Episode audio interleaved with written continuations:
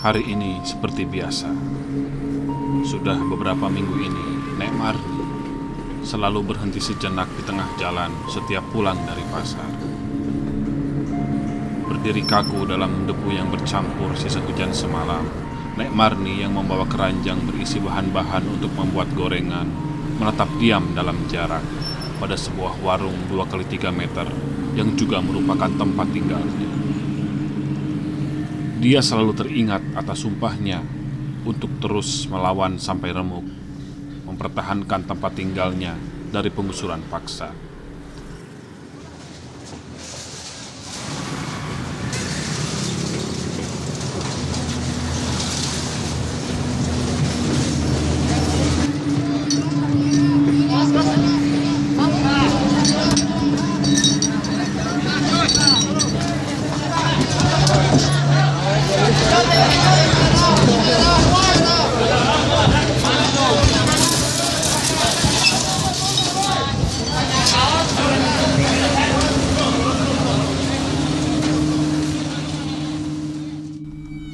Kebiasaan itu memang sengaja dilakukannya untuk mencoba terus berbicara pada dirinya sendiri. Karena akhir-akhir ini, sambil di dalam gulatan minyak panas, tepung, sayuran, pisang, tempe, singkong, tahu, dan ubi, kerap muncul di dalam pikirannya untuk mengontrak sebuah rumah atau kos-kosan. Keseharian setiap orang sekarang ada dalam pengaruh krisis ekonomi global yang memperparah krisis ruang dan tempat tinggal. Biaya kesehatan terus naik berkali-kali lipat, dan banyak orang sakit tak lagi mampu berobat ke rumah sakit. Vaksin corona baru ditemukan setelah gelombang ketiga wabah menjalar secara global, dan harga vaksin tersebut cukup mahal, sehingga hanya segelintir orang yang mampu. Sepanjang pandemi berlangsung, banyak pabrik dan perusahaan mendapatkan subsidi dari pemerintah. Tapi selama pandemi itu pula, pabrik melakukan pemangkasan ongkos produksi untuk meminimalisir kerugian dengan cara mem-PHK. Alih-alih untuk memperbaiki ekonomi, cara lama kerjasama licik antara pabrik dan pemerintah menyebabkan krisis tetap tak terhindarkan. Dan sejak tahun 2003, tak ada lagi istilah karyawan tetap atau pegawai tetap Seluruh tenaga kerja sewaktu-waktu dapat dipecat jika dianggap tidak lagi menguntungkan atau menghambat perusahaan. Angka pengangguran dan kemiskinan terus meningkat setiap tahun akibat dari PHK dan penggusuran yang terjadi. Hingga tahun 2024, perbandingan orang yang mati karena penyakit dan mati karena kelaparan jumlahnya beda tipis. Pengusuran kampung kota di Bandung terus terjadi untuk pembangunan apartemen dan pusat bisnis. Dan setengah dari jumlah penduduk kota di Indonesia pada tahun 2027 tidak lagi punya rumah dan tinggal mengontrak. Lahan-lahan subur di berbagai daerah di Indonesia telah digusur dan beralih fungsi menjadi perkantoran, pabrik, tambang, dan pusat bisnis hingga tahun 2030. Akibat merebaknya alih fungsi lahan bertahun-tahun, maka krisis pangan, krisis air, dan cuaca ekstrim tak dapat lagi dihindari di Indonesia sejak tahun 2025. Dan di tahun 2030 itu pula, seluruh hutan di Indonesia telah lenyap. Yang tersisa tinggallah wisata kebun binatang di pusat-pusat kota. Sejak virus corona mewabah di tahun 2020, banyak orang tertekan dan memaksakan segala kegiatan dan aktivitas dilakukan di rumah, sehingga berakibat pada meningkatnya KDRT sebanyak 10 kali lipat dari jumlah kasus di bulan-bulan atau tahun sebelumnya.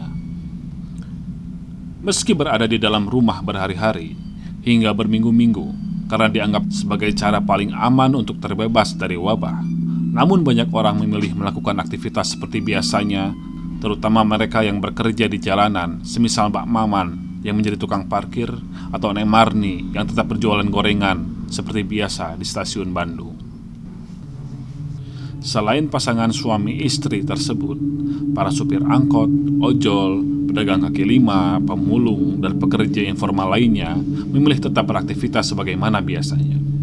Mereka lebih takut mati kelaparan daripada takut pada corona Kalau kita nggak kerja, nggak dagang, terus diam nunggu bantuan, emangnya bantuan bakalan ada? Malah bisa-bisa mati kita karena diam. Seloroh Nek Marni pada suatu ketika sambil tertawa. Tubuh Nek Marni dan Mbah Maman yang tua tentunya sangat rentan terkena corona. Apalagi aktivitas di luar rumah dan terus bertemu dengan banyak orang setiap saat.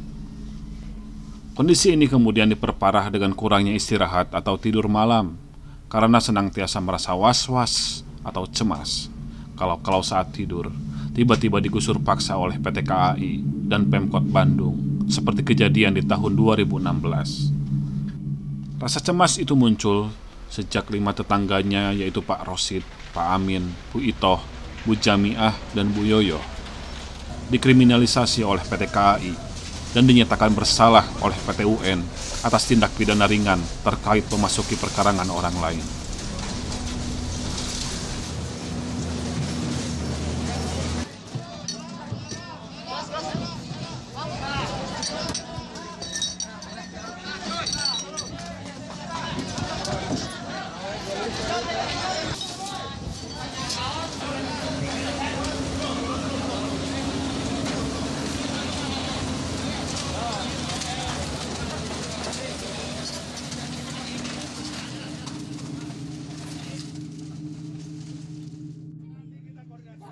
Orang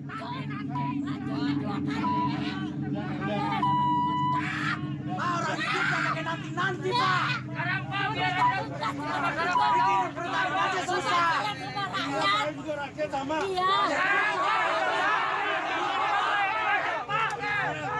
Saya akan mundur.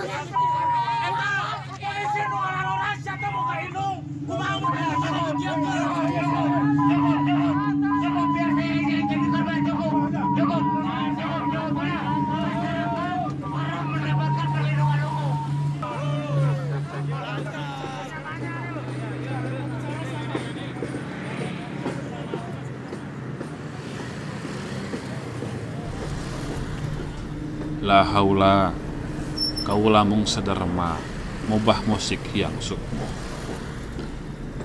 Pagi itu matahari memang bersinar seperti biasanya. Nek Marni mengucapkan suatu doa Ketika mulai melangkah perlahan ke warungnya. Angin berhembus menerbangkan debu yang mulai mengering Dan sampah plastik di jalan stasiun barat yang rusak dan bolong-bolong. Allahumma afini fin badan Allahumma afini fin sam'i. Allahumma afini fis basori La ilaha illa anta. Allahumma inni a'udzubika minal kufri wal fakri. Wa a'udzubika min azabil qabri la ilaha illa anta. Ya Allah berikanlah kesehatan untuk badanku bagi pendengaranku dan penglihatanku tidak ada sesembahan yang berhak untuk disembah selain Engkau. Ya Allah Sesungguhnya aku berlindung dari kekufuran dan kefakiran. Ya Allah Sesungguhnya aku berlindung diri kepadamu dari siksa kubur. Tidak ada sesembahan yang berhak selain engkau.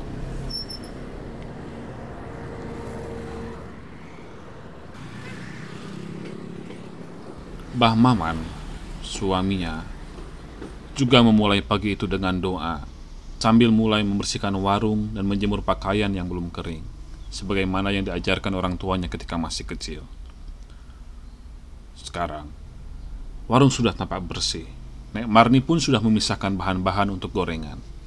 Seperti biasanya, mereka kemudian membagi tugas dengan tangannya yang terlatih atau lebih tepatnya sudah sangat terbiasa. Kemudian mereka mengolah bahan-bahan gorengan dan sesekali mereka bicara.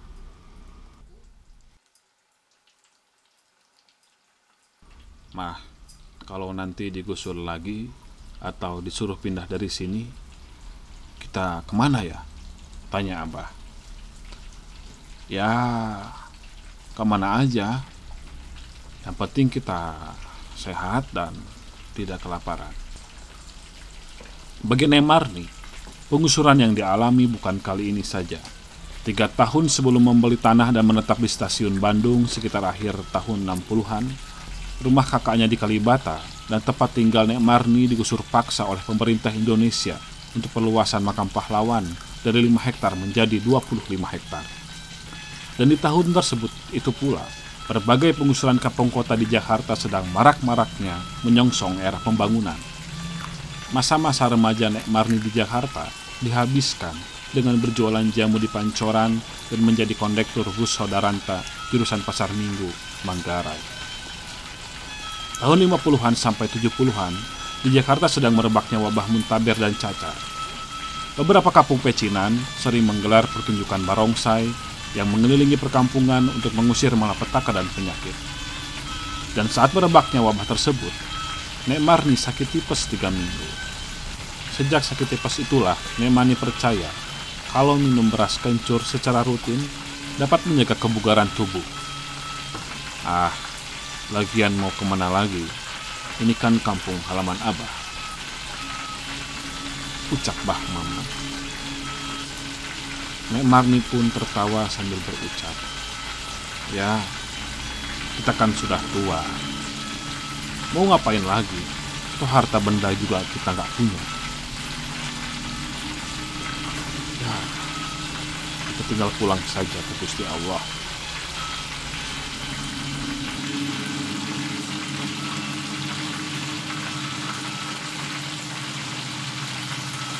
Tahun lahir tahun 52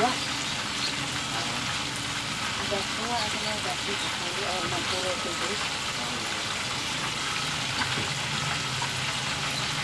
Iya, itu udah tua.